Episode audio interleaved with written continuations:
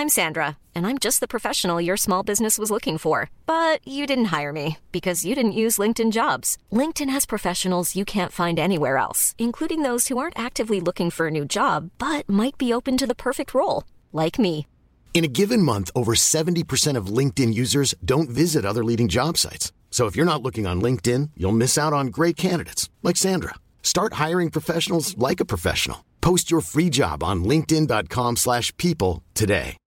Since 2013, Bombas has donated over 100 million socks, underwear, and t-shirts to those facing homelessness.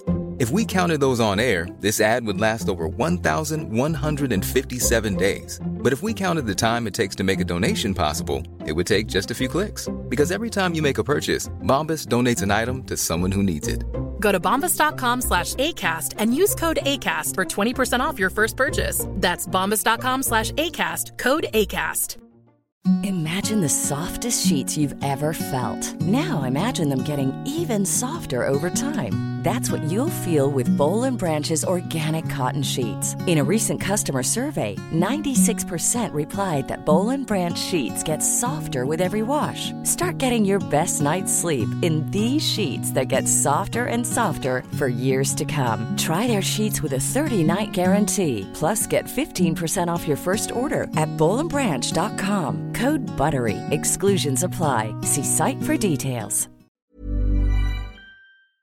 Hade du då 1971 köpt guld för, vi säger 100 000 kronor, att du hade haft de pengarna och så Mm. hade du köpt rent guld för de pengarna. Mm. Så hade ju de pengarna i dagsläget, 50 år senare, varit värt ungefär 7 miljoner kronor. För vi Mm. sa ju att det hade gått upp ungefär 70 gånger i värde. För de här pengarna, om du tittar på vad, en bo, vad som hänt med en bostad på de här 50 åren, så Mm. har inte bostadspriserna gått upp 70 gånger pengarna. Mm, Nej. Vilket innebär att om jag hade köpt bostaden och du hade köpt guldet Ja, och sen 50 år senare så kommer du till mig. Mm. Vilket innebär att du har egentligen gjort en smartare affär då än mig.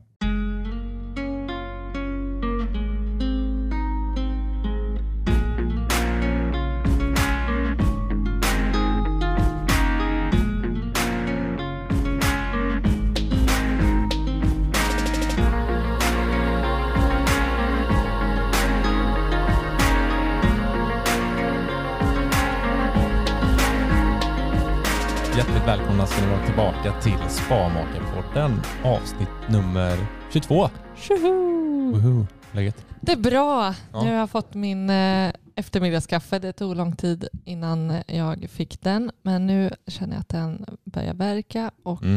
eh, jag mår bra. Du kom inrusande här på kontoret sa att du inte hann drack kaffe på hela eftermiddagen. Jag har inte fått mitt kaffe.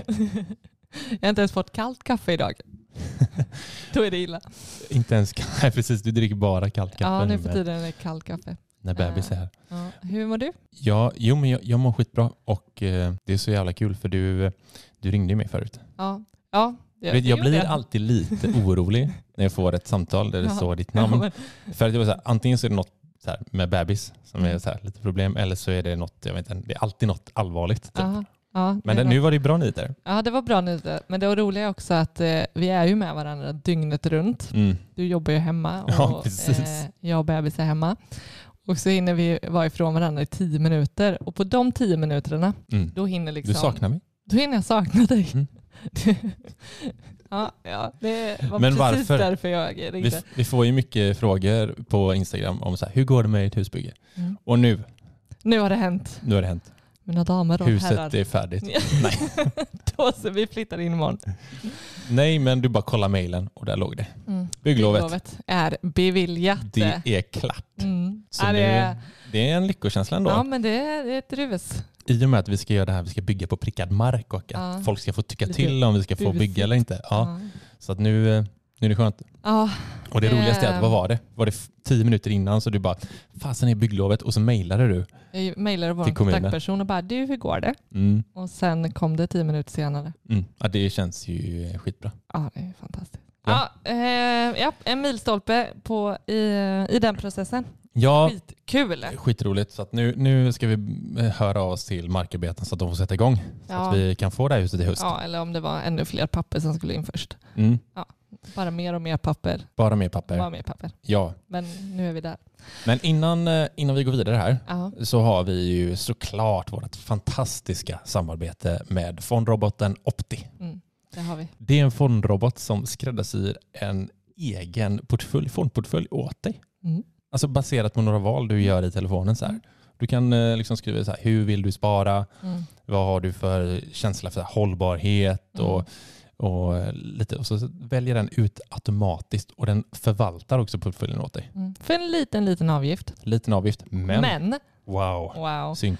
Oj. Ja. nej, Vad? men eh, med eh, vår rabattkod Mm. SM50 Simon Martin 50. får du eh, rabatt på den här förvaltningsavgiften. Ja, tre månader, 50 procent. Det är skitbra. 50% i tre månader. Men disclaimer, Mm. man ska komma ihåg att börsen, det är alltid en risk. Det är alltid en Det är inte säkert att man får tillbaka pengarna man dunkar in. Men du kan få mer också. Det Förhoppningsvis. Historiskt så får man ju det. Men eh, det är absolut ingen garanti. Men gå in, testa använda. Vi gör det till Mm. vår dotter och vi vet att många andra gör det. Mm. Så att, eh, skitbra. Jag älskar det samarbetet och vi kan verkligen stå för den appen. Oh ja, vi använder det själva som sagt. Mm. Men du, Men ja, Ja. men du. Eh, vi sitter ju faktiskt inte själva här eh, i rummet utan bredvid oss så har vi ju faktiskt en gäst. Sparmakarnas första gäst mm, i våran podd. det är skitroligt. Ja, vi är supertaggade. Eh, Sjukt stolt att ha just den här gästen. Ja, det Det blir skitspännande. Mm. Men ska vi inte bara rulla avsnittet och så får vi göra en lite pre- eh, presentation.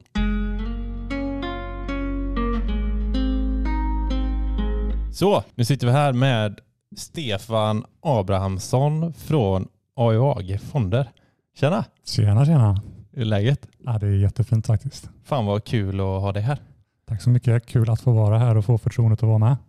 Det- Ja, jag tror det är nöjet på vår sida va? vi har ju fått vänta lite extra länge eftersom vi planerar att göra det här och ha dig som gäst tidigare, Mm. eh, för några veckor sedan.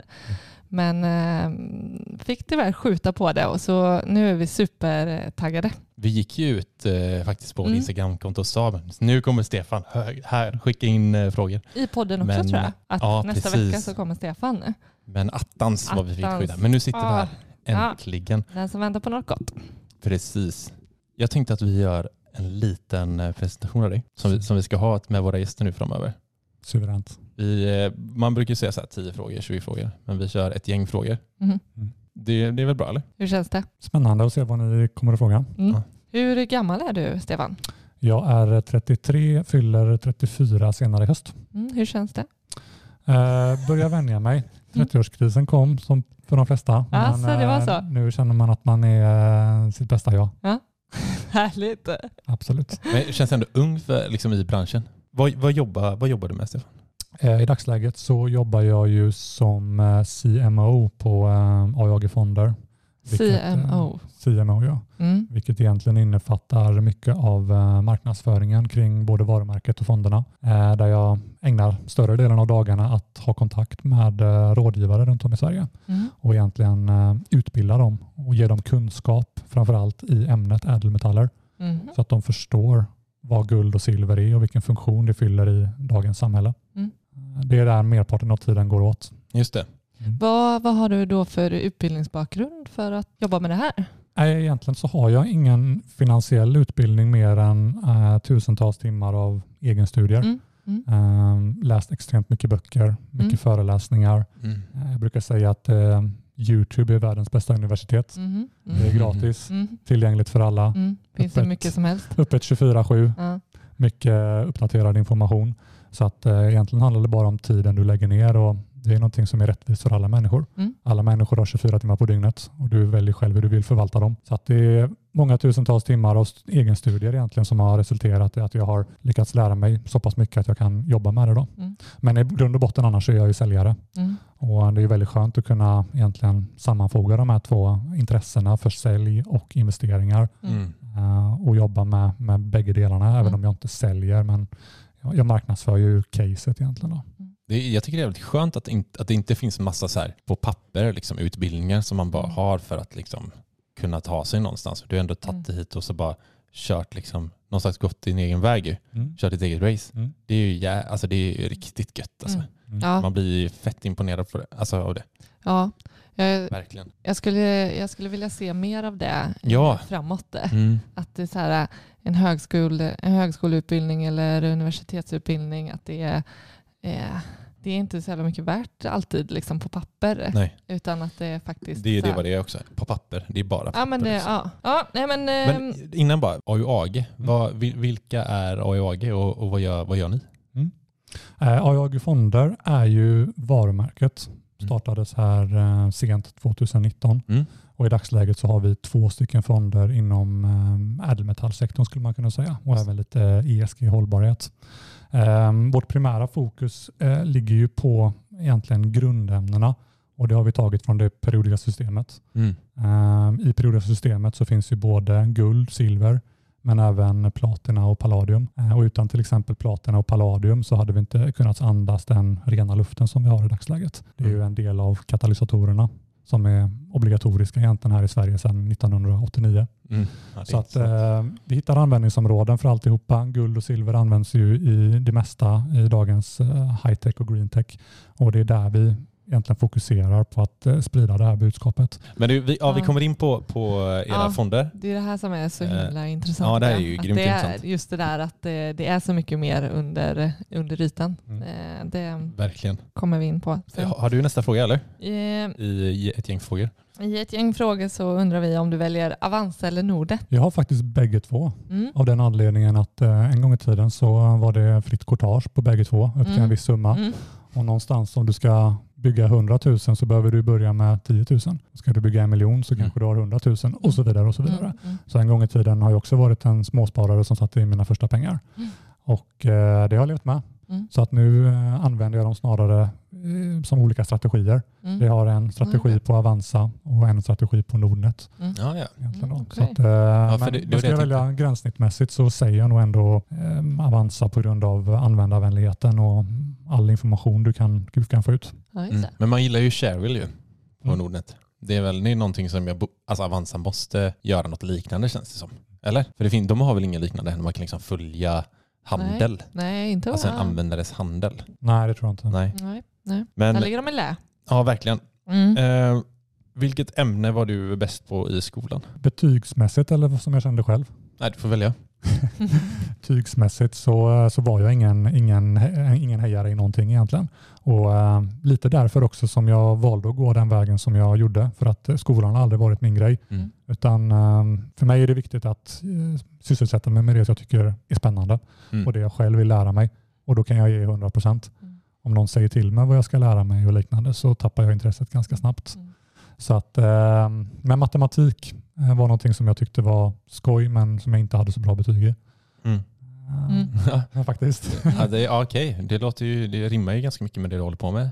Alltså just matte. Ja, Men- för det är mycket, mycket, mycket huvudräkning, liksom Mm. gånger, minus, plus eh, och så vidare. Ja, precis. Det gillar jag, men inte i formler, uppställningar och sånt där. Det har jag lite svårare för. Mm. Mm. Men också utifrån att det ställs krav, att någon förväntar sig eller ställer krav.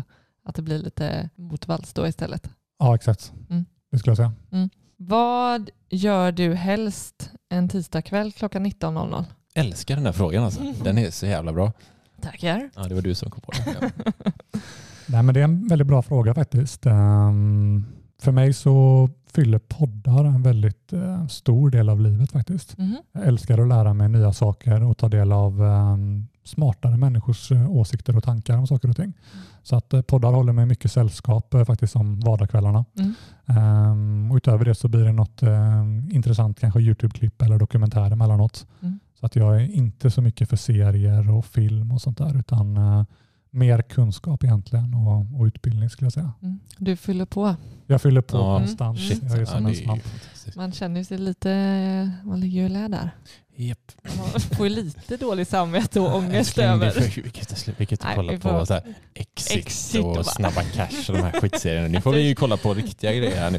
Dokumentärer, Vi måste- gulddokumentärer Vi och... måste bilda oss. Ja. Mm. Eh, ser du dig själv som en sparare eller som en slösare? Helt klart ehm, en sparare inom de allra flesta områdena. Men jag har Mm. vissa områden i livet som jag inte tummar på. eh, där jag gärna spenderar extra. Och på tal om att spendera extra, Mm. till vår nästa fråga. Vad unnar du dig mest? Är det restaurangbesök? Ja, det är det. Mm. Helt Mm. klart eh, Mm. restaurangbesök. Eh, För det är intressant, för det har vi, vi har pratat om det här. Ja. Ja, om typ luncher och sådär. Förlåt, du ska fortsätta. Vad menar du? Nej, men- Men jag, jag, det var så klockrent svar. Förlåt. Ja.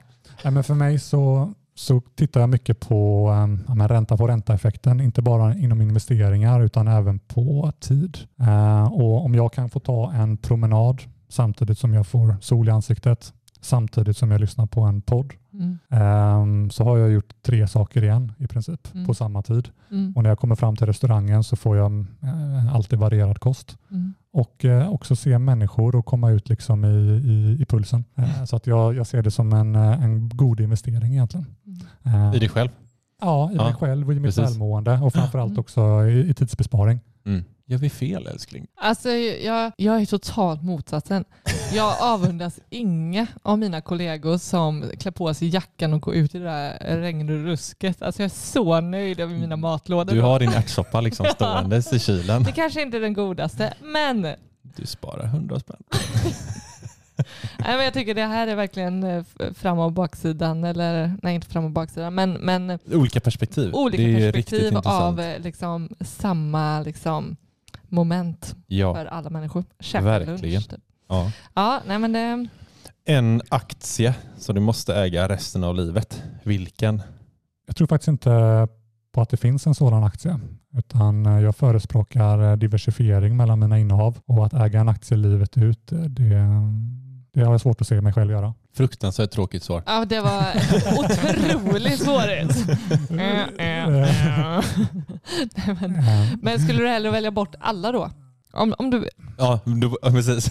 så här skiter du fullständigt Nej i men alla. vi får respektera Stefans svar. Okej, ja, nu kör vi det var- sista frågan här. Mm. Det är din. Ja, den är min. Det den kommer svåraste av den dem alla. svåraste. Ja, här kommer den. Guld eller silver? Då säger jag silver. Ja, det här är spännande. Ja. Ja, jag tror inte många hade svarat det. Berätta. Nej, Nej, det, nej, nej, vi kommer ju till det här sen. Åh, jag veta.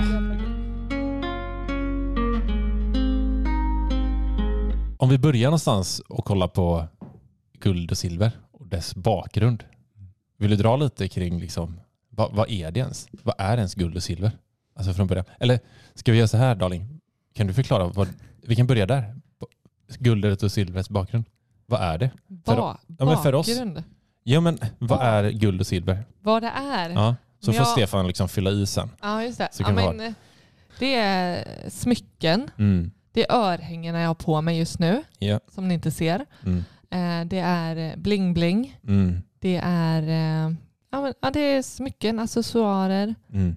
Um, Etta och tvåa. ett och två. Ja men du får guld om du kommer etta. Ja, abs- ja, exakt. exakt. Sport. Nej men det är ju typ det det är för gemene, eller för, för Ja, oss. sport. Men ja, tävlingar. Mm. Pris. Men jag tänker att det har någonstans, man vet ju att det har någon slags värde Mm. så här, från, eh, från långt tillbaka i tiden Mm. där man faktiskt eh, antagligen handlade med Mm. det. Mm. Säkert. Eller handlade man med guld? Det Eh. gjorde man från början eller? Ja, men guldmynt. Ja. Guldmynten. Pippis kappsäck med Med guldmynt ja. guldmynten. Ja precis, kanske men det- ligger något i det där. Nej men har du, har du lite bakgrund kring det? Självklart har jag det. Ja. Ehm, Spännande. Kortfattat eh, så kan man ju säga att guld och silver har eh, funnits med oss ja, men i princip egentligen sedan, eh, sedan jorden skapades. Det är ju grundämnen och ehm, de tillhör ju ädelmetaller då tillsammans med platina och palladium. Ehm, varför guld och silver? Det har ju att göra med att de här ämnena de reagerar ju inte med yttre omständigheter. Eh, guld till exempel är väldigt beständigt så att eh, oavsett om du lägger det i vatten eller om du det, reagerar, det reagerar egentligen inte med varken, varken vatten eller luft eller andra grejer. Så att, eh, därför kan du gräva upp guldmynt idag som kanske varit nedgrävda i, i tusentals år Mm. och de ser i princip identiska och likadana ut. Mm. Men kan det hända någonting med dem? Alltså Eh, så? Ja, det är ju silver egentligen som, eh, som reagerar med syre som gör att det kan få en grå yta. Men Mm, det kan, du ju, det kan du ta bort enkelt. Men inte guld, det, kom, det skulle se likadant ut. Guld ser likadant ut. Och eh, Det finns ju många, många exempel på det. Till exempel eh, den här faraon Tutankhamon kanske ni kommer ihåg från, eh, från högstadiet när man läste om de gamla egyptierna och liknande. Mm. Ehm, hans grav är ju uppskattningsvis någonstans 3300 år gammal och han begravdes ju med flera hundra kilo guld.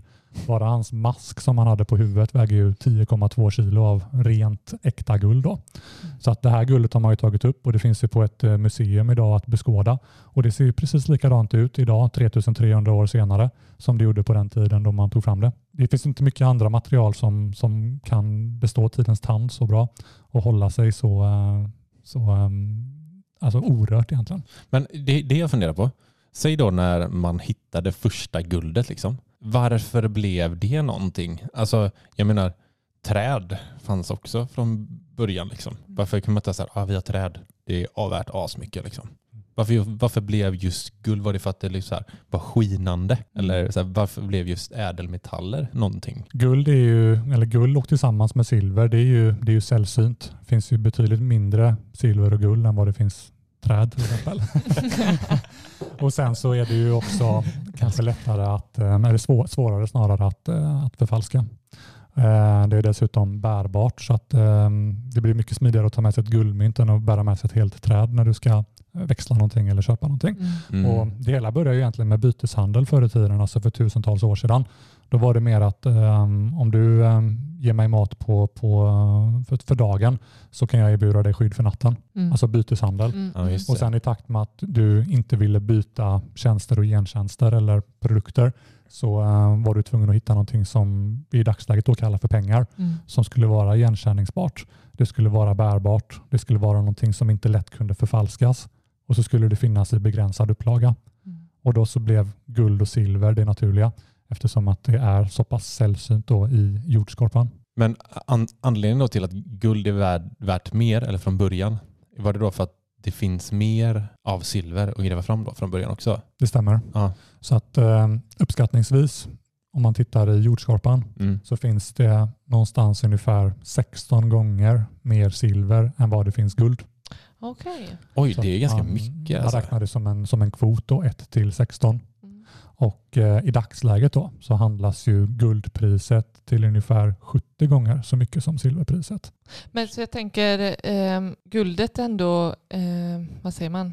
Eh, det beskriver att det, det liksom finns ingenting i princip som kan rubba guldet. Medan silvret kunde ändå få den här gråa ytan.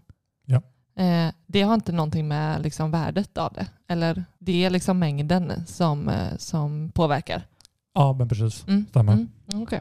Man, är, man blir lite sugen på att investera i guld och silver.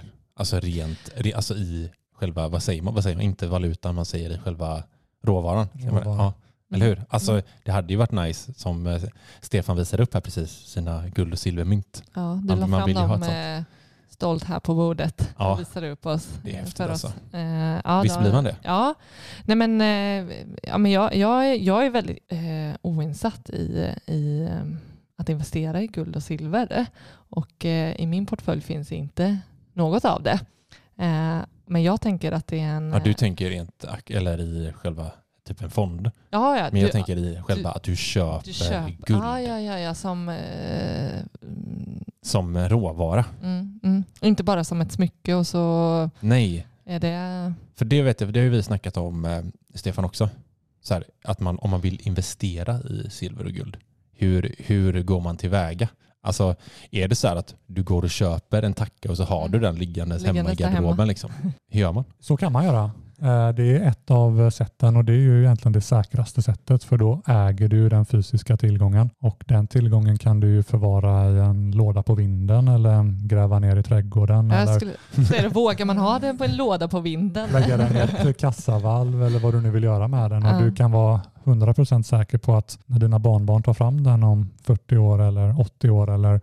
när någon eh, gräver fram den arkeologiskt fynd här om tusen år mm. så ser den likadan ut. Mm. Den har inte tappat eh, någon vikt.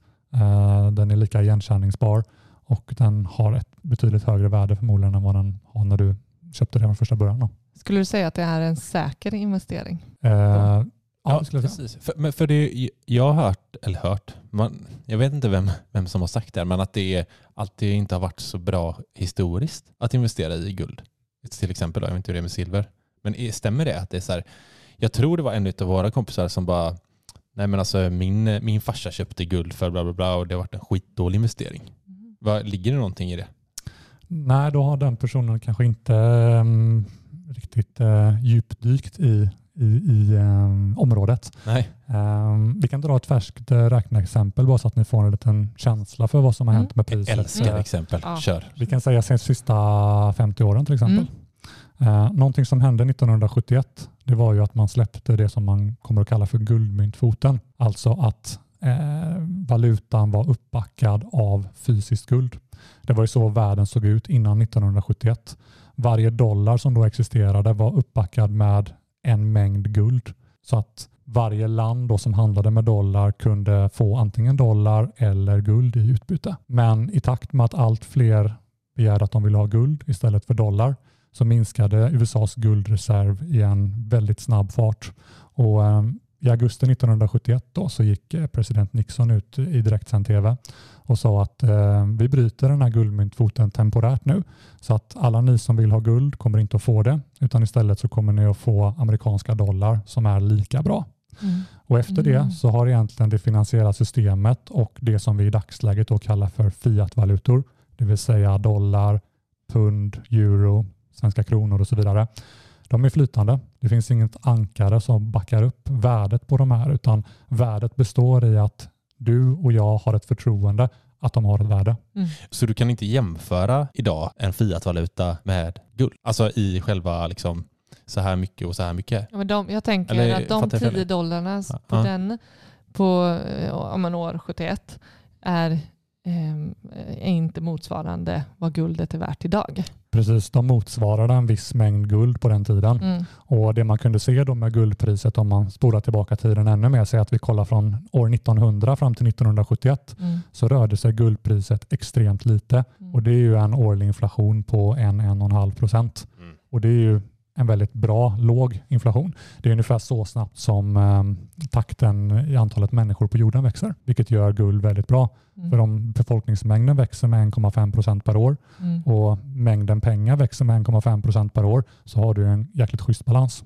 Mm. Mm. Efter den här 1971 då när man bröt den här guldmyntfoten. Va- varför gjorde man det? Ja, Du kanske sa det? Ja, det gjorde man ju då för att, um, president, eller för att, för att ehm, allt fler ville ha guld istället för dollar. Och det hade ju att göra med att USA förde en väldigt stort budgetunderskott. Mm. Ehm, man finansierade krig bland annat eh, Okej. och andra grejer. Ja. Vilket gjorde att många då istället såg en större trygghet i guld än att behöva få då amerikanska dollar som bara kunde tryckas i oändlighet. Men var det, var det under begränsad tid då eller? Ja, man sa ju det i alla fall att vi bryter den här kopplingen temporärt och sen så återgår vi till det. Och det intressanta är ju att i dagsläget då 2021, 50 år senare, så har vi fortfarande inte återgått till det. Ja. Utan det här temporära blev plötsligt eh, Varför fick jag statiskt. gåshud nu? Ja. det är sjukt. Ja. Eh, och det som hände då det var ju att eh, mellan år 1900 till och med ännu tidigare, men vi säger 1900 fram till 1971 så dubblades i princip guldpriset. Mm. Vi hade den här årliga inflationen på 1,5 procent. Mm. Inga problem. Från 1971 och framåt när alla fiatvalutor plötsligt flyter fritt Mm. så händer någonting för att plötsligt så bygger alltihopa bara på ett förtroende Mm. och i takt med att du trycker mer och mer och mer pengar så urholkar du också värdet på alla befintliga pengar Mm. i Men- systemet. Ja men precis. För då påverkar ju det alla andra valutor också då, antar jag. Alltså inte bara dollarn. För jag antar att eh, om man sa att dollarn var så här mycket guld, hur var det då med alla andra fiatvalutor? Hade de då i förhållande till dollarn då? Ja, de andra Alltså- valutorna var ju peggade till dollarn som var kopplat till guld. Ja, shit. Det är, hela världsekonomin måste ju ha Ja. ballat ur. Så att eh, tittar man då på vad som har hänt med guldpriset sedan 1971 fram till eh, dagens datum då 2021 eh, så kan vi titta på vad guldpriset var då och vad guldpriset är nu. Och ehm, bara för att göra en enkel jämförelse så kan vi kolla på ett gram guld 1971. Kunde du köpa för ungefär sju svenska kronor. Mm. Men idag 2021 så kostar samma mängd guld. Guldet har inte förändrats. Det är penningmängden som har förändrats. Mm. Samma mängd guld idag ligger på nästan 500 kronor per gram. Åh, Herre procentuellt. Där. Jävlar. Så att det är en procentuell ökning på 7000 procent, alltså 70 gånger pengarna Mm. på 50 år. Och det motsvarar då en ökning på ungefär eh, 9 procent per år i 50 års tid. Okej, så din kompis pappa Ersling har antagligen eh, fått någonting om bakfoten då? Ja, men var det, var det typ samma med guld eller? Eller silver? Det är ju i- i paritet egentligen med vad man brukar säga att börsen avkastar um, genomsnittligt per år. Mm. Så att du kan ju få en mycket schysstare riskjusterad avkastning om du väger in ädelmetaller också som en del av din större portfölj. Mm. I och med att de inte då korrelerar med varandra. Hade du då 1971 köpt guld för, vi säger 100 000 kronor, att du hade haft de pengarna och så Mm. hade du köpt rent guld för de pengarna. Mm. Så hade ju de pengarna i dagsläget, 50 år senare, varit värt ungefär 7 miljoner kronor. För vi Mm. sa ju att det hade gått upp ungefär 70 gånger i värde. Mm. För de här pengarna, om du tittar på vad, en bo, vad som hände med en bostad på de här 50 åren, så har Mm. inte bostadspriserna gått upp 70 gånger pengarna. Mm. Nej. Vilket innebär att om jag hade köpt bostaden och du hade köpt guldet Ja, och sen 50 år senare så kommer du till mig. Mm. Vilket innebär att du har ju egentligen gjort en smartare affär då än mig. Mm. Precis, för då Så att- tycker man man pratar ju ofta om bostad. Alltså så här, ja mina föräldrar köpte det här huset på 70-talet liksom. Mm, mm. Och är det idag värt så här. Men det är ju ingen som sagt så här, min pappa köpte en guldtacka här Mm. på 70-talet. Mm. Det är ganska spännande ändå. Ja. Det hade varit skönt om någon Ja. sa det. Men Men, varför blir det så tänker jag? Är det för Men att, jag- eh, ja, nej, men att det blir eh, mer, eh, jag menar, alla behöver ett boende men Men det känns det inte något- krångligare? Alltså känns det inte lite så här, guld, ja. det är ju så här, något, som- något som finns i, någon, i filmer, i Mm. någon eh, slags grotta där det ligger massa guldpengar och det är en Mm. drake som vaktar. Sagan om ringen eller? Nej. Hobbit. Ja. Nej men är det, inte, är det inte lite den känslan? Att det är mycket enklare att så här, köpa ett hus eller en... Men Stefan, hur, hur köper man guld då? Eh, Guld kan du ju köpa på diverse olika sätt beroende på vilken typ av exponering du vill ha. Mm. Eh, Du kan ju köpa det fysiskt genom eh, diverse olika handlare som finns då på, på internet.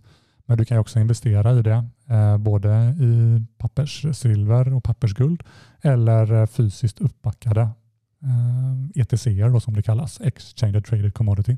Mm. Ja, men jag tänker just att den där tackan, jag, kan inte, jag vill ha den på riktigt. Kan jag, kan jag beställa den på nätet då och så blir den hemskickad med Postnord typ, som kommer och levererar? Precis så. Budbee typ så här. Mm. Bara, här kommer din guldtacka. är det så? Precis så är det. Det känns ganska surrealistiskt. Man bara hoppas att den kommer fram. Liksom. Postnord Ja. också vill man inte beställa. Nej, alltså jag skulle säga jag skulle aldrig lämna min guldtacka till Postnord. Okej, ja. Det är ju såklart försäkrade brev så att eh, du tar ingen risk. Ja, Okej, ja, så är det såklart. Det är rekommenderat. Men vad, vad, vad, vad kostar det? Alltså, Ja, det är egentligen bara att du multiplicerar eh, mängden guld som du vill ha mm, med grampriset då som vi pratade om, vilket ligger på i dagsläget runt eh, 480-500 kronor per gram. Så att mm, vill du ha det vanligaste formatet då som är 1 troy ounce, vilket är 31,1 gram, så får du räkna med någonstans kanske 15 000 kronor mm, för ett sånt här mynt. Mm. Eh, silver å andra sidan, där har du ju ett pris som är ungefär 70 gånger lägre. mm. Så att eh, där pratar vi kanske snarare, eh, ja, du kan ju dela 15 000 genom 70 Ja, så, okej. så får du motsvarande pris. Ja, just det. Jag kan tänka mig att det är mycket så här mynt, det finns säkert samlare och sådär också, eller? Eller hur? Om man skulle vilja sälja det här. Om du skulle vilja sälja dina mynt, hur gör du? Alltså, kan du, kan du liksom, finns det svarta marknader och sådär? Jag tänker rent skattemässigt och så. Ja, Det finns ju, du kan ju sälja tillbaka dem till samma handlare som du, som du förvärvade det av. Mm. Men du kan också sälja det på um, Tradera och Blocket och kanske till olika samlare och liknande. Mm. Så att det, är en, det är en öppen marknad. Men är det vinstskatt och sånt på det då? Eh, på guld så har du ingen eh, vinstskatt. Nej. Ah. På eh, silver däremot så betalar du eh, en eh, moms på 25 procent vilket gör det lite mer svårinvesterat. Vad, Mm. märk, vad märkligt att det är olika. Ja, vet du varför? Ja, guld klassas ju som, um, som pengar egentligen. Medan silver fyller ju också en, um, en uh, betydligt större industriell syfte och Ja. roll. Ja. Vilket gör att det inte klassas då som pengar på samma sätt och därför så är det 25 procent moms ovanpå det Mm. också. Okej.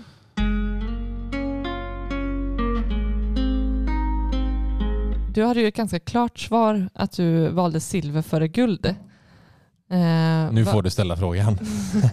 Vad är skillnaderna mellan de två metallerna? Skulle du säga? How would you like to look five years younger? In a clinical study, people that had volume added with Juvederm Voluma XC in the cheeks perceived themselves as looking five years younger at six months after treatment. Look younger, feel like you. Add volume for lift and contour in the cheeks with Juvederm Voluma XC. Reverse signs of aging by adding volume to smooth laugh lines with Juvederm Volure XC. For important safety information and to find a licensed specialist, visit juvederm.com. That's J U V E D E R M.com. Not for people with severe allergic reactions, allergies to lidocaine, or the proteins used in Juvederm. Common side effects include injection site redness, swelling, pain, tenderness, firmness, lumps, bumps, bruising, discoloration, or itching. There's a risk of unintentional injection into a blood vessel, which can cause vision abnormalities, blindness, stroke, temporary scabs, or scarring. Talk to a licensed specialist to find out if it's right for you. Hiring for your small business? If you're not looking for professionals on LinkedIn, you're looking in the wrong place. That's like looking for your car keys in a fish tank. LinkedIn helps you hire professionals you can't find anywhere else, even those who aren't actively searching for a new job but might be open to the perfect role. In a given month, over 70% of LinkedIn users don't even visit other leading job sites. So start looking in the right place. With LinkedIn, you can hire professionals like a professional. Post your free job on linkedin.com slash people today. Skillnaderna mellan dem är ju att silver är förutom en monetär metall, det vill säga att det är pengar, så är det ju också en industriell metall. Mm. Så ungefär 50 procent av all årlig produktion går ju till industrin. Mm. Eh, och silver används ju i allt. Det är ju det mest reflekterande materialet vi känner till. Så att eh, av det så tillverkar du till exempel speglar. Mm. Du tillverkar bestick. Eh. I våra mikrofoner som vi spelar in nu finns det silver. Mm. I din mobiltelefon finns det silver. Mm. I din dator finns det silver. Mm. Eh, Det är också det materialet i världen som både leder värme och elektricitet bäst. Mm. Så när du sätter dig i din bil på morgonen och ska frosta av rutorna till exempel för att det är kallt eller du vill ha lite eh, sätesvärme, då vill du ju ha någonting som snabbt ger dig det. Du vill inte sitta och vänta allt för lång tid. Mm. Så att då väljer du ju silver Mm. Så, som eh, leder då värme och el bäst Mm. av alla metaller i hela världen. Så att silver har alltså tusentals användningsområden. ja. Det används ju även inom, inom sjukhus eftersom att det är antibakteriellt. Mm. Eh, Du har det i, i funktionskläder för att Mm. förhindra svettlukt och liknande. Mm. Så att eh, det finns Wow. hur många användningsområden helst. Alla behöver silver i sitt liv till allting. Det typ. borde ju vara supervärt det här silvret. Ja, men jag tänker så här, funktionellt Ja. eller? Alltså, och vad sa du, Precis. 50 procent eh, som eh, industriell? 50 procent ungefär ja, går Ja. till till industrin. Ändå inte, ändå inte mer. Du rabblade hur mycket saker som helst här nu. Ja, Okej, ja det var ju jättestor skillnad. Och, Mm. och guld ju, mm, finns noll eh, funktion i det här. När man pratar guld då så går ju 90 procent till eh, investeringar. Alltså i Mm. form av att du eh, använder det Ja, som en just det. store of value. Ja. Mm. Och 10 procent då går till industrin. Mm. Så att silver är ju den 10%, enda metallen egentligen som både fyller en funktion av pengar men också till industrin. Och Mm. Därför så blir det ofta en, vad ska man säga, ett, eh, det kan bli ett priskrig om den här metallen där investerare och industrin tävlar om samma råvara. Mm. Och det är ju det som vi på AIAG Fonder då har positionerat oss för eftersom vi ser att efterfrågan ökar år efter år samtidigt som tillgången minskar. För att man redan eh, liksom använt upp det till eh, diverse saker? Eller hur menar du? Att Att- tillgången minskar? Det man ser då det är ju att när du tittar i jordskorpan så förekommer guld och silver i en ratio eller relation som man säger om 1 till 16. De senaste åren så har vi dock bara fått upp det här till en ratio om 1 till 8. Mhm. Så du får Aha. bara upp alltså 8 gram Mm. silver för varje gram guld du tar upp. Okej. Mm. Och tittar du då på hur de här metallerna handlas Mm. så har du en skillnad i priserna på guld och silver på 1 till 70. Så guld är alltså 70 gånger dyrare än silver Mm. men vi får bara upp 8 gånger så mycket silver som guld. Mm. Varför silver då antingen är extremt lågt Ja, prissatt precis. och Ja, felprissatt eller att guld då måste tappa ordentligt i pris för att du ska kunna nå liksom den här nivån. Just det. Ja, det är ju spännande på marknaden. Mm. Alltså hur det... Jag tänker att vi kommer in på det. Mm. Ja. Lite AUAG då. Jag tänker, eh, ni har ju två fonder i dagsläget. Stämmer va? Det stämmer. Och ni har en tredje på G som vi också kommer in på. Eh, Men ska vi börja med den, den äldsta då? Ni, ni, eh, var det 2019 som ni lanserade Silverbullet? Det stämmer. Det var ju den egentligen som eh, vi gick live med. med Mm. AIAG Fonder. Silver Bullet-fonden som i dagsläget består av ett ungefär 30 stycken eh, gruvbolag. Då, som eh, främst håller till i Nord och Sydamerika. Mm. Där de primärt letar efter eh, silver men också får upp andra metaller som guld och koppar och lite sånt där. Ja, just det. Och det här fonden är ju Europas renaste exponering som du kan få mot just silversektorn eftersom att det är en så pass smal eh, bransch eller sektor Mm. Och de här bolagen är fåtal egentligen som är producenter av den här eh, strategiska och väldigt sällsynta metallen. Vi fokuserar ju på de bolagen som faktiskt står med vad ska man säga, hackarna och spadarna Mm. och tar Mm. fram den här råvaran. Oavsett om du är ett bilföretag som Tesla Mm. eller om du är en eh, solcellstillverkare eller om du jobbar med att tillverka datorer eller liknande så kommer du att kräva silver som en komponent. Och då vill vi äga de bolagen som, som, som faktiskt utvinner den här råvaran och blir en säljare då till allihopa egentligen. Mm. Fin, alltså, finns det något slags index för silver? Alltså, är det, följer fonden något slags index eller hur, hur, hur är den förvaltad? Liksom? Det är en aktivt förvaltad fond som Ja. handlas dagligen och Ja. du kan ju handla från eh, 100 kronor och uppåt. Och eh, den har ju ett jämförelseindex då som heter XXAU. Eh, ett index som består av någonstans mellan 25 till 30 stycken bolag då som jobbar med guld och silverutvinning. Så det är egentligen den då som vi kan eh, jämföra oss med och, och benchmarka oss emot för att se hur vår avkastning ser ut kontra, kontra in, indexet. Sen Mm. finns det ju ännu renare index som är egentligen bara eh, silverbolag och liknande som finns i USA. Då. Men har, har ni, alltså, är ni själva med det här eller finns det flera sådana här fonder alltså, som, är, eh, som är liknande?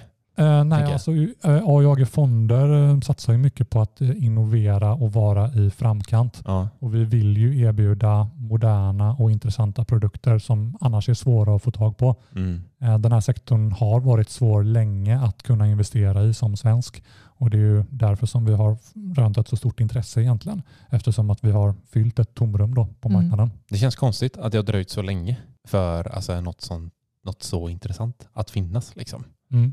Ja, Det vi har sett framförallt är ju att vi har haft en eh, väldigt uthållig börsuppgång sedan eh, med finanskrisen här 2008-2009. Mm. Förutom coronakraschen som vi hade här för drygt ett år sedan så har ju i princip bara börsen gått eh, rakt upp. Mm. Och ehm, dessvärre då så har ju råvaror haft en betydligt tråkigare utveckling som i princip har haft en tioårig nedgång. Och vi tror ju någonstans att eh, förr eller senare kommer det här kapitalet att rotera från den breda börsen och in i råvaror som varit en inte lika favoriserad sektor då de senaste tio åren.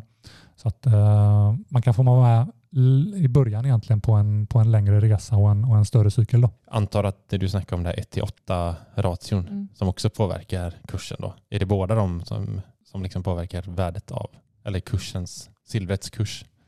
Eh, Det som påverkar ehm, alltså, priset på både guld och silver Mm. är ju till syvende och sist tillgång och efterfrågan. Blir det mer efterfrågan på det så bör ju rimligtvis priset gå upp. Eh, och i takt med att vi håller på och elektrifierar världen ehm, och sil- silver då framför allt är den här strategiska metallen Mm. som till mångt och mycket inte går att ersätta i många eh, produkter så tror vi ju på att eh, vi har några fina år framför oss här med Mm. ökade silverpriser. Men också tänker jag eh, att, att du, frågan är om, om silver är väldigt undervärderat just nu.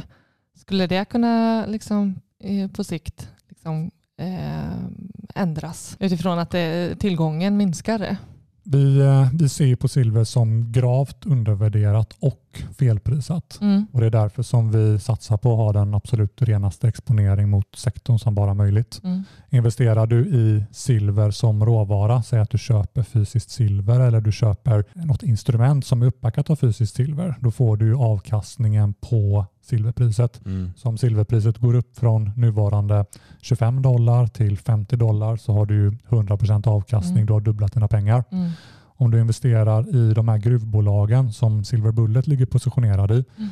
så får du historiskt sett någonstans mellan två till tre gånger motsvarande avkastning istället. Så det blir en hävstång på priset som såklart funkar åt bägge hållen. Men är man övertygad om att silver ska upp så är Silver Bullet eh, sättet att exponera sig för att få maximal utveckling egentligen. Ja, och jag tänker också att alltså, nu, nu det finns ju, om du jämför med typ fiat-valutor, eh, silver och guld, det finns ju bara en viss mängd. Liksom. Det finns ju ingen så här som kan bara, nu tar vi fram lite mer som kanske man när man trycker pengar. Håller det på att ta slut? Alltså, eller fattar du vad jag menar? Är, alla, är, är allt guld och silver i omlopp? Det, kan, det finns ju säkert mer att gräva antar jag. Men spår man någonstans att man ser, ja det kommer ta så här, så här lång tid innan man faktiskt har grävt fram allt? Ja, men det är en eh, väldigt bra fråga du ställer och eh, det man kan se är ju att eh, produktionen har gått ner och halten av det man får upp nu för tiden har ju kollapsat med 50 procent det senaste årtiondet. Och Oj. ehm, då har inte heller några större upptäckter kommit till. Så att de stora bjässarna, som, ehm, alltså producenterna som jobbar med att utvinna guld och silver, de förbrukar ju sina reserver betydligt snabbare än vad de kan hitta nya fyndigheter.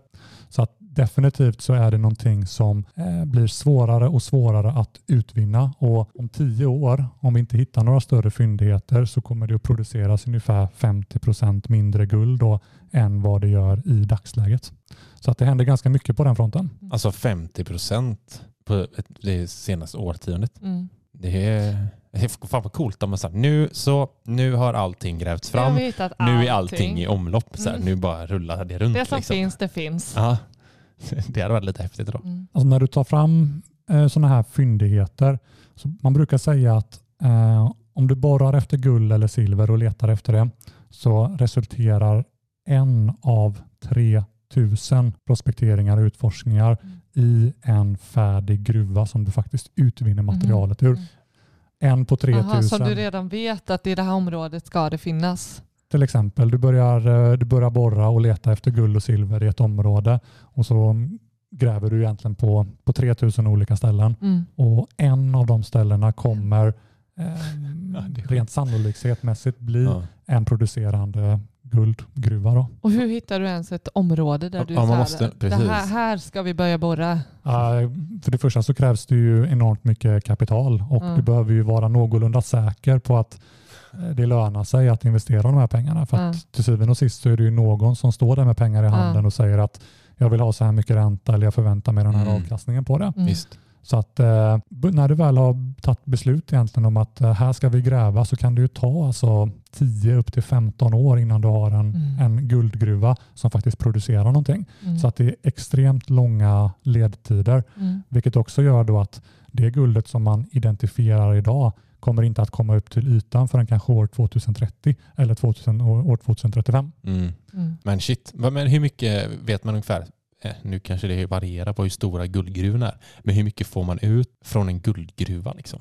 Alltså det, det kan säkert variera jättemycket. Om, man, om, man, eh, Ja, men så här- om det är jackpot. Ja men så här bara, en av 3000, här är det liksom. Nu har Ja. vi hittat den. Mm. Bara nu kör vi här liksom. Mm, hur och hur, hur länge det? kan man, eh, liksom hur länge håller, om man, inom citattecken, liksom, en, en, en guldgruva? Det kan nog variera väldigt mycket, men eh, den årliga utvinningen av guld ligger ju relativt konstant på ungefär 3000 ton per år.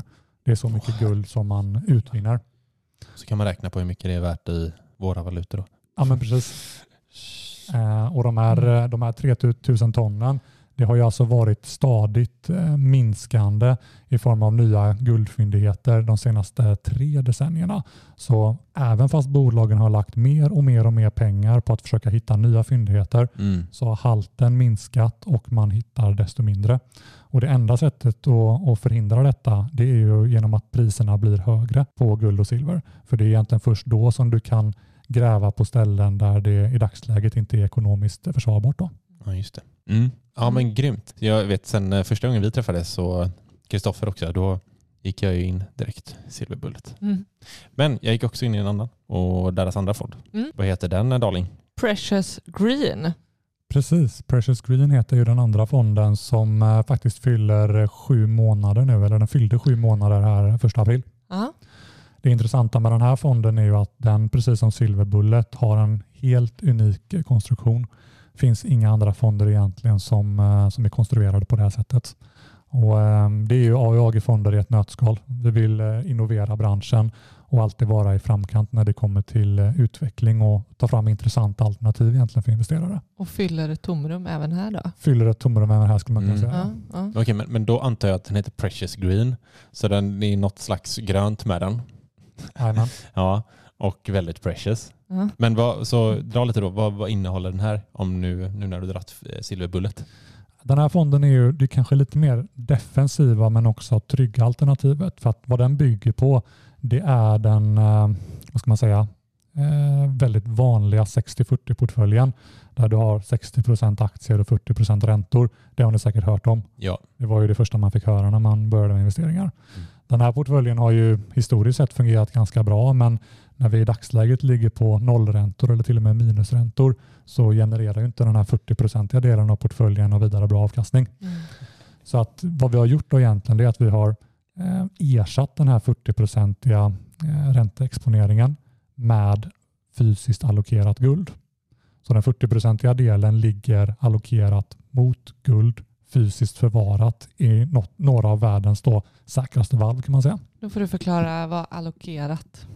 All- allokerat betyder alltså att guldet finns förvarat i ett valv men det är inte i ditt namn. Mm. Utan eh, för varje dag som går så mäter man hur stora är inflödena i de här fysiskt uppbackade certifikaten och hur stora är utflödena. Och sen så flyttar man då motsvarande mängd guld in och ut ur de här valven. Så Mhm. när du sen säljer så tar man ju bort motsvarande mängd. När du köper så lägger Mm. man in motsvarande Mm, mängd. mm. Men det finns ingen, ingen lapp där egentligen med ditt namn att Nej, det är du som äger Vem äger det då? guldbiten. Du, Eller- äger ju det, du äger ju det indirekt men Ja. det förvaras ju utav, alltså det förvaras ju runt om i, i diverse olika valv då runt om i världen. Mm. Och ehm, Så du vet egentligen namn lite procentuellt så vet jag att en del av, av det här i guldet i detta valvet äger jag men inte just den där eh, lilla delen. Som om att jag skulle haft den här guldtackan hemma. precis. Det är det som blir skillnaden. Ja, och fördelen är ju att det blir extremt mycket mer kostnadseffektivt. Mm. Köper du till exempel fysiskt guld så har du ju ofta en, en prispremie på kanske 8-9 procent ibland. Det vill säga köper du för 10 000 kronor så kanske du får betala 11 000 kronor för att få Mm. hem det. Mm. Mm. För att det är lite, den, som, den som säljer det till dig ska tjäna lite pengar och sen är det lite. Präglingskostnad på myntet och, eh, och så ska du betala frakten och liknande. Mm. Men du förlorar lite på vägen. Ja men precis. Mm. Köper du då istället eh, fysiskt allokerat guld i en sån här ETC då, som eh, Mm. Precious Green innehåller så mm, har du kanske en avgift på en halv procent per år eller liknande. Mm. Och då kan du köpa och sälja det precis egentligen så ofta som du vill kontra då att köpa fysiskt som du förlorar 10 procent på varje Mm. gång. Men, men, men då, då innehåller det 40 procent av portföljen, det allokerade guldet. Stämmer? Är det 60 procent aktier då? Ja. Eller vad? Den 60-procentiga övriga delen då, den består ju precis som du säger utav aktier. Ja, Och där har vi egentligen delat upp det i fyra stycken eh, områden okej. där allihopa egentligen anspelar på eh, ESG och den hållbarhetstrenden som växer sig allt starkare runt om i världen nu. Vad är ESG? Ja, eh, ja, men ESG är ju då Environmental Social Governance, vilket är egentligen ett mått på hur hållbara bolag är runt om i världen. Och eh, Du kan ju vara hållbar för att du eh, till exempel äger ett hotell och så eh, tvättar du med Svanen tvättmedel. Eh, det, är ju, det är ju hållbart för det är ju miljövänligt. Mm. Men det kanske inte är lika hållbart att du byter 500 lakan varje dag för att en person har sovit i, i Mm. sängen under en natt. Ja, just det. Ehm, vi tittar på ESG på ett lite annat sätt. Vi försöker istället identifiera de bolagen som faktiskt gör världen grönare. Både genom effektivisering, alltså hur man kan optimera och effektivisera olika processer. Ehm, hur man kan lagra den energin som vi skapar om dagarna när till exempel ehm, solceller då, som, som tar energin från solen. Ehm, på natten vill du kunna använda energin också så då måste du kunna lagra den här energin. Mm. På samma sätt som när vindkraftverken inte snurrar så vill du också kunna använda energin. Du vill ju inte vara beroende att det ska blåsa för Mm. att du ska kunna tända lampan. Nej, precis. Så att, l- lagring är Ja. ju en av de här fyra tårtbitarna, då, hur du lagrar energi. Den andra tårtbiten är precis som vi pratade om, alltså optimering och energieffektivisering och liknande. Sen har vi också bolagen som jobbar mot att ta fram några av de här råvarorna som är kritiska för den här gröna omställningen. För utan råvaror så kan du ju inte skapa något värde. Allt består av råvaror. Den här micken består av råvaror, bordet består av råvaror. Allt är egentligen råvaror. Så att de råvarorna som mest påverkar den här omställningen vi ser nu till eh, grön teknik och den här gröna vågen som, som sköljer över oss. Det är ju råvaror som till exempel koppar, litium och även eh, jordartsmetaller då som det kallas. Som fyller väldigt viktiga funktioner i att både byta ut den här flottan av eh, ja, fossildrivna bilar Mm. Mm. till elbilar då till exempel. Mm. Att det är de tre eh, ämnena, eller vad ska man säga, vad kallar man det? Rå, eh, koppar, litium och vad står det mer? Jordartsmetaller. Jo, det är de som man ser eh, blir viktiga för framtiden. Ja, men även nickel och, och um, guld och silver och, och många andra råvaror. Mm. Men det är ju egentligen de råvarorna som vi främst har positionerat oss då mot Mm. i, i Precious Green. Då. Och sen då eh, sista tårtbiten i, i fonden handlar ju om bolagen som är med och producerar den här miljövänliga energin. Och där har vi ju alltså vindkraftsbolag och solkraftsbolag och liknande. Mm. Så att eh, fyra stycken underkategorier, allihopa anspelar på hållbarhet och Mm. det är bolagen som faktiskt gör någonting också åt Mm. det, som jobbar med de här eh, ja, ESG-faktorerna. Det, här, det här tycker jag känns jätteintressant att, eh, att investera i. Ja, herregud, Eh. det känns väldigt modernt. Väldigt modernt och eh, ja, väldigt hett. Ja, ja verkligen. Eh, Det, det, jag tycker det är intressant att det är väldigt två olika produkter ni har. Alltså i de två olika fonder. Alltså allokerat guld med eh, gröna liksom, eh, eh, bolag med, med väldigt grönt tänk. Precious Green-fonden då, den är ju lite mer åt det defensiva hållet och eh, den har ju den här 40-procentiga guldexponeringen Mm. vilket egentligen ska agera krockkudde vid en börsnedgång. Så att när du får lite um, hicka på börsen, Mm. eh, de här bolagen eh, tappar i storleksordningen eh, 10, 15, 20 procent kanske som du gör under en, en, under en börsfrossa, så Precis. ska ju guldet kunna balansera den här portföljen och ge dig avkastning i tider av oro. Samtidigt när börsen går bra, vilket den gör nu, så kommer guldet att eh, se till att uppgången kanske inte blir lika stark. mm. Men över tid så får du en väldigt bra balans när du har en 60-40 fördelning med två stycken grejer som växeldrar. Nej, om, man, om man jämför guldets eh, eh, kurs med eh, börsen då, alltså över tid, har man sett liksom att när har guldet följt med i diverse kraschar? Eller liksom har det fortsatt långsamt, långsamt uppåt? Eller ja, nu har det ju gått 9% per år, men har, har den, hänger den, följer den på något sätt börsen? Ja, men börs, eh, guld är ju en, en, en store of value och eh, mycket av en, eh, en fair trade. Så att när det blir oroligt på de finansiella marknaderna så tenderar ju guld att gå starkt kortsiktigt. Men det brukar oftast eh, jämnas ut sen i takt med att eh, det här försvinner då och det blir stabilare igen. Mm. Eh, Men jag skulle säga att guld eh, äger du inte egentligen för att få avkastning utan du äger det mer som ett skydd i din portfölj. Lite som en försäkring mot att huset ska brinna ner eller en, eh, ja, en livbåt liksom när det blåser upp till storm.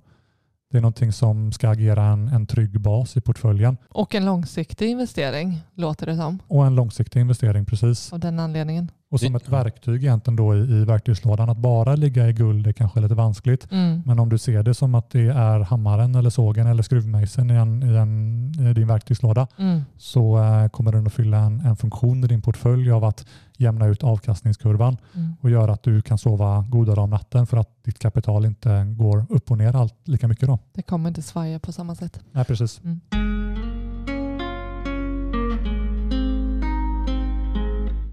Ja, men jag tänker, men eh, guldets framtidsutsikter. Alltså hur skulle jag, eller hur skulle guldet kunna vara till användning i, i framtiden? Men guld är ju mycket av en, en store of value då, men också någonting som kan eh, rädda dig i kristider. Eh, och det såg vi ju exempel på till exempel här under eh, finanskrisen 2008-2009 när eh, Riksbanken var tvungna att sälja 50 ton guld för att då få tag i dollar för de accepterade då inte svenska kronor på grund av våra krisande banker. Så det är ju ett nutida exempel på när guld kan rädda dig. Och um, Tittar vi dessutom på hur centralbankerna har agerat sedan finanskrisen 2008-2009 så har de ju varit nettoköpare av guld varje kvartal sedan dess Mm. och sitter i dagsläget på ungefär 15 procent av allt guld som finns tillgängligt då i världen. Så att de som styr ekonomin, som printar våra pengar, ehm, som egentligen har makten över oss, de sitter på väldigt stora reserver av guld och då kan man ju Ja, fråga sig lite, lite frågande då till vad, varför gör de det och vad Ja. ser de för värde i guld? Ja, men vad, tänk, vad tänker du om det? Att de väger 15 procent av eh, guld. Ja, Jag ser ju det som eh, kanske ett eh, framtida system där guld eh, återfår sin glans och blir en del av ett eh, system som faktiskt är uppbackat av någonting reellt. Ja. Där guld återigen fyller den här funktionen och gör så att vi inte kan trycka pengar i all oändlighet. Mm. Ehm, så att guld är en store of value, har varit i tusentals år Mm. och det vet centralbankerna om. Så därför så trycker de nya pengar och köper guld för de pengarna. Så, så det vi gjorde i Sverige det var egentligen att låna ut 50 ton guld. Alltså värda många miljarder. Ja, eller vi Till- sålde ju det egentligen Ja, för, att få, ja, för att få dollar och rädda, rädda de svenska krisande bankerna. Ja. Och ehm, hade vi istället behållit det guldet så hade vi ju i, dagsläget genererat eh, miljarder kronor i Mm. avkastning. Mm. Så att där fyller det verkligen en funktion vid kris och det är ju därför du vill äga guld. För att ehm, vara säker även när, när ehm, saker och ting inte alltid är, blue skies. Men ve- vet man ungefär hur mycket värde man har idag i Sveriges eh, banker, eh, Riksbanken liksom? Alltså i guld? Eh, det vet man men det har jag inga siffror Nej. på här och nu. Men, men så det jag tänker är, som du har berättat om det är ju att, att, eh, att äga guld är både liksom en, en stöttepelare för ens liksom, egna lilla innehav men också liksom, jag tänker som ehm, eh, för samhället, alltså kriser i samhället. Precis. Det fyller ju en väldigt eh, bra funktion Ja, i kriser. ja det är inte bara liksom att, att ha och investera i och Mm. tjäna pengar på. Och det, är det som är bra med guld också det är att det har ju överlevt eh, alla krig och alla revolutioner och alla Ja. Olika länder och, och civilisationer som har haft makt under historien. Mm, Så um, oavsett som vem som har suttit vid makten så mm, sitter vi här idag tusentals år senare mm, och guld och silver är, är fortfarande med oss och kan rädda oss i Mm. krisande tider. mm, mm. Det säger väldigt mycket. Det säger Ja, väldigt mycket. ja. Mm, det man är det. Du Stefan, eh, vi ska snart avsluta med lite lyssnarfrågor som vi har fått in, för vi har ju frågat på Instagram och så. Men innan så vill jag bara dra, vi ska snacka lite kort, för ni lanserar ju snart en ny produkt, alltså en till fond. Det stämmer. Eh, och den måste vi ju ge lite tid åt tänker jag. Mm. Eh, och det är en så kallad eh, ETF, en Exchange Traded Fund. Vill, du, vill du prata lite om så här, vad, vad är en, vet du vad det är älskling? Nej, nej, ETF? nej, så jag vill ju veta vad det är för det första. Ja. Ja.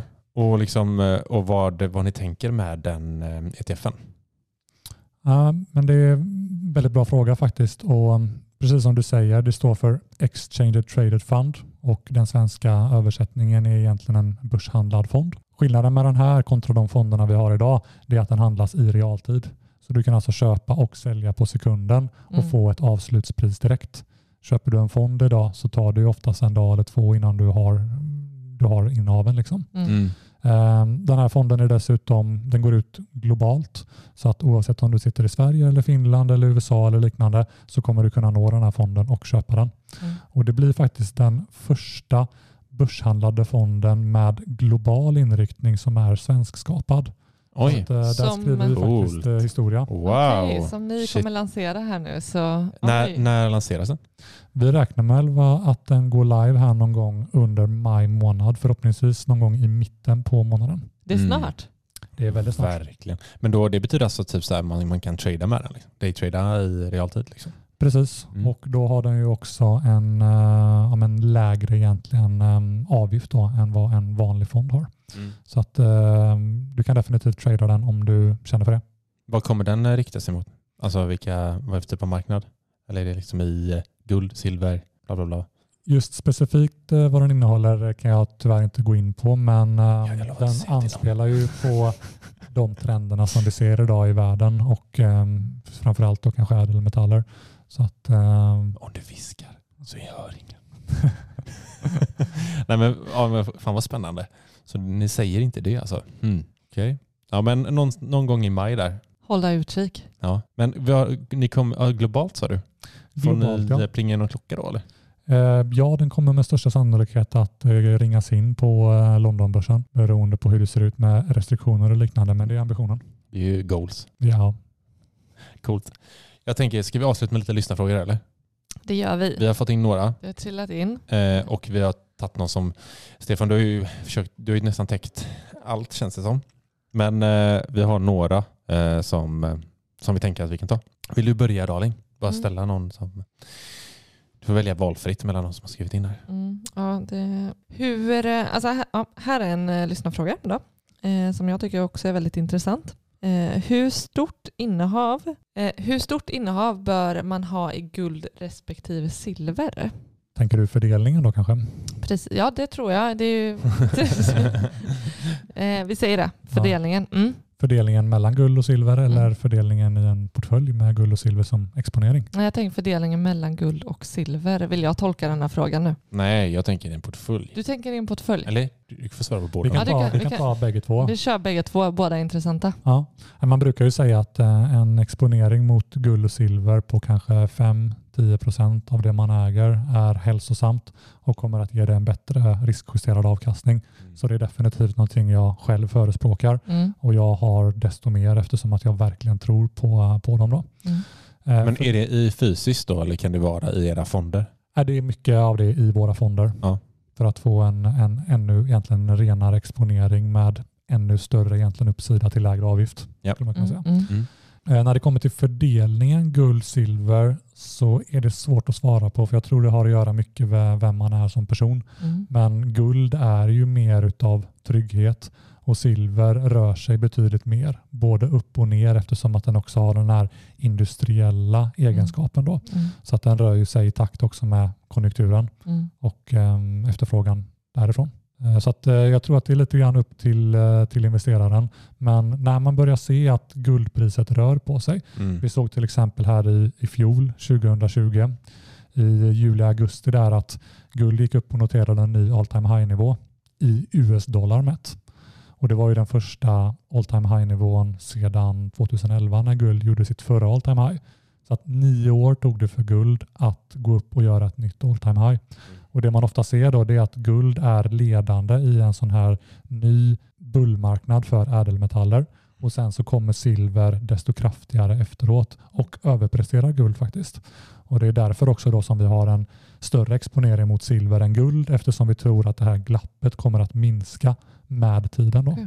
Mm. Tittar man på guld i övrigt så har ju guld noterat nytt all time high i alla andra av världens valutor för länge sedan. Både i svenska kronor, i eh, pund, i euro, turkisk lira. Du kan nämna vilken valuta som helst så är guld starkare än, än den valutan och Mm. många av de här valutorna hade ju all time high för flera år sedan. Mm. Men dollarn då som är världsvalutan som ska vara världens mest stabila valuta tog lite längre tid att att knäcka då. Ja, det var en eh, segling iväg från frågan. Men du, vad, finns det någon övre eller undre gräns för hur mycket man får köpa och sälja av guld och silver? Någon person har inte skrivit om det är guld eller silver, men i båda finns det något som så här, du får inte köpa mer än så här eller du måste köpa så här mycket. Mig veterligen så finns det ingen sån gräns utan eh, du kan ju köpa små eh, guldtackor och små guldmynt på bara några gram och detsamma gäller silver. Och sen då om du vill investera i våra fonder så är det ju från 100 kronor uppåt så att vem som helst i princip skulle kunna nå dem. Härligt. Och det finns ingen övre gräns heller vad jag vet men allt har ju att göra med tillgång och efterfrågan så finns inte guld eller silver i den mängden som man efterfrågar Ja, så det är blir det ju svårt. Ja, det Då är, driver du priset. ja. det är en som skriver här, vad innebär 24 karats guld? Ja, men 24 karats guld innebär ju att du har den, det renaste guldet egentligen. 99,9 procent eh, fine gold. Okej. Går du ner på 18 karat, karat som många smycken består utav så har du ju eh, legeringar utav andra grundämnen. Mycket också för att förstärka metallen. För eh, tittar du på till exempel ett sånt här guldmynt så är ju det ganska mjukt i metallen. Så att tar du på det tillräckligt hårt så kan du få rispor och rivmärken och, och till och med deformera det. Till skillnad då mot om du blandar in andra ämnen så får du en annan stabilitet och en annan hållfasthet. Då. Så att därför så har du olika typer av, av karat egentligen då i smycken. Varför Mm. 99,9? För att det blir eh, omöjligt att säga att det är exakt 100 procent. Det kan alltid smyga sig in någonting, Någonting annat. kan- Mm, man, ja. kan inte, man kan inte göra det antagandet att det är exakt Nej, 100,0 nej. Ja, okej. procent. Så därför 99,9 det är så nära du kan komma. Så för att eh, skydda sin rygg så, så säger man inte hundraprocentigt? Ja, jag misstänker att det är så ja. Mm, mm, Okej. Ja, men här, här är en fråga till. Vart, vart förvaras guld? Eh, är frågan. Så jag antar att du menar liksom det mesta som finns i världen kanske inte ligger, liksom, ligger i byrålådor hemma hos folk. Utan eh, de är, ligger väl i, i valv och sådär. Men eh, ja, typ så. Ja, och eh, precis som de ETC-erna då som vi äger i, i Precious Green-fonden så är det ju eh, rigorösa säkerhetsanordningar som står bakom detta. Så några av världens mest eh, säkra valv där finns de här guldtackorna och det finns faktiskt Youtube-klipp på det här som man kan titta på där man kan till exempel googla Fort Knox. Mm. Eh, Jag tror att det är en video på 8-10 minuter som beskriver hur omöjligt det är att ta sig in i ett sånt här valv. För det är säkerhetsanordning på säkerhetsanordning på säkerhetsanordning och de här valven ligger ju ofta på väldigt eh, eh, speciella platser. De kan ligga djupt under Alperna till exempel och liknande. Och sen utöver det då alla de här säkerhetsanordningarna som gör det alltså omöjligt för dig som utomstående att ta dig in. För det är så mycket grejer du behöver passera för att överhuvudtaget ens komma i närheten av det.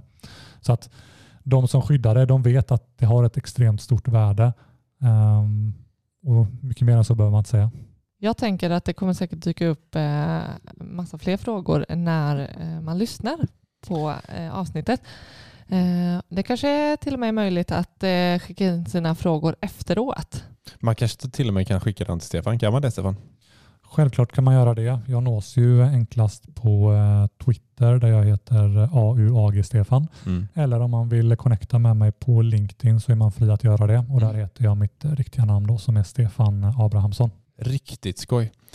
Jag tänker att vi rundar här och vi åker och hämtar våran bebis och sticker ut till ön. Jag Vi tror, har har en eh, bit hem. Det, vi har en, en bit hem och eh, Men innan, jag vill bara rikta ett stort tack till dig Stefan och till AUAG Fonder som, eh, som tillät oss att göra det här och att vara vår första gäst det har på varit den. ett jätteroligt. Eh, Otroligt roligt ämne ja. och alltid lika kul att sitta och köta med dig. Blir lite förvirrad på köpet. ja, verkligen. Det, här är mycket att ta in alltså. Bara Mm. tänka liksom eh, valuta kontra guld och värde och bla bla bla. Jag tycker det är Ja. Ja, Man- jag måste får hem och smälta det här känner jag. Mm. Eh, och så kanske det är jag som hör av mig till dig Stefan. Du är, du är hemskt eh, välkommen att höra av dig precis när du vill. Ja. Och ni som inte vill skriva till Stefan kan skriva till oss på sparmakarna.gmail.com eller gå in på vår Instagram där vi heter Sparmakarna och skicka DM till oss eller vad, gör vad ni vill. För vi vill ha tips och råd till nya ämnen eller Mm. frågor på allt som finns. Det här var superkul. Skitkul. Tack så mycket Stefan. Tack igen. Tack så mycket för att jag fick komma. Vi hörs nästa vecka. Vi hörs. Tja då! Hallå!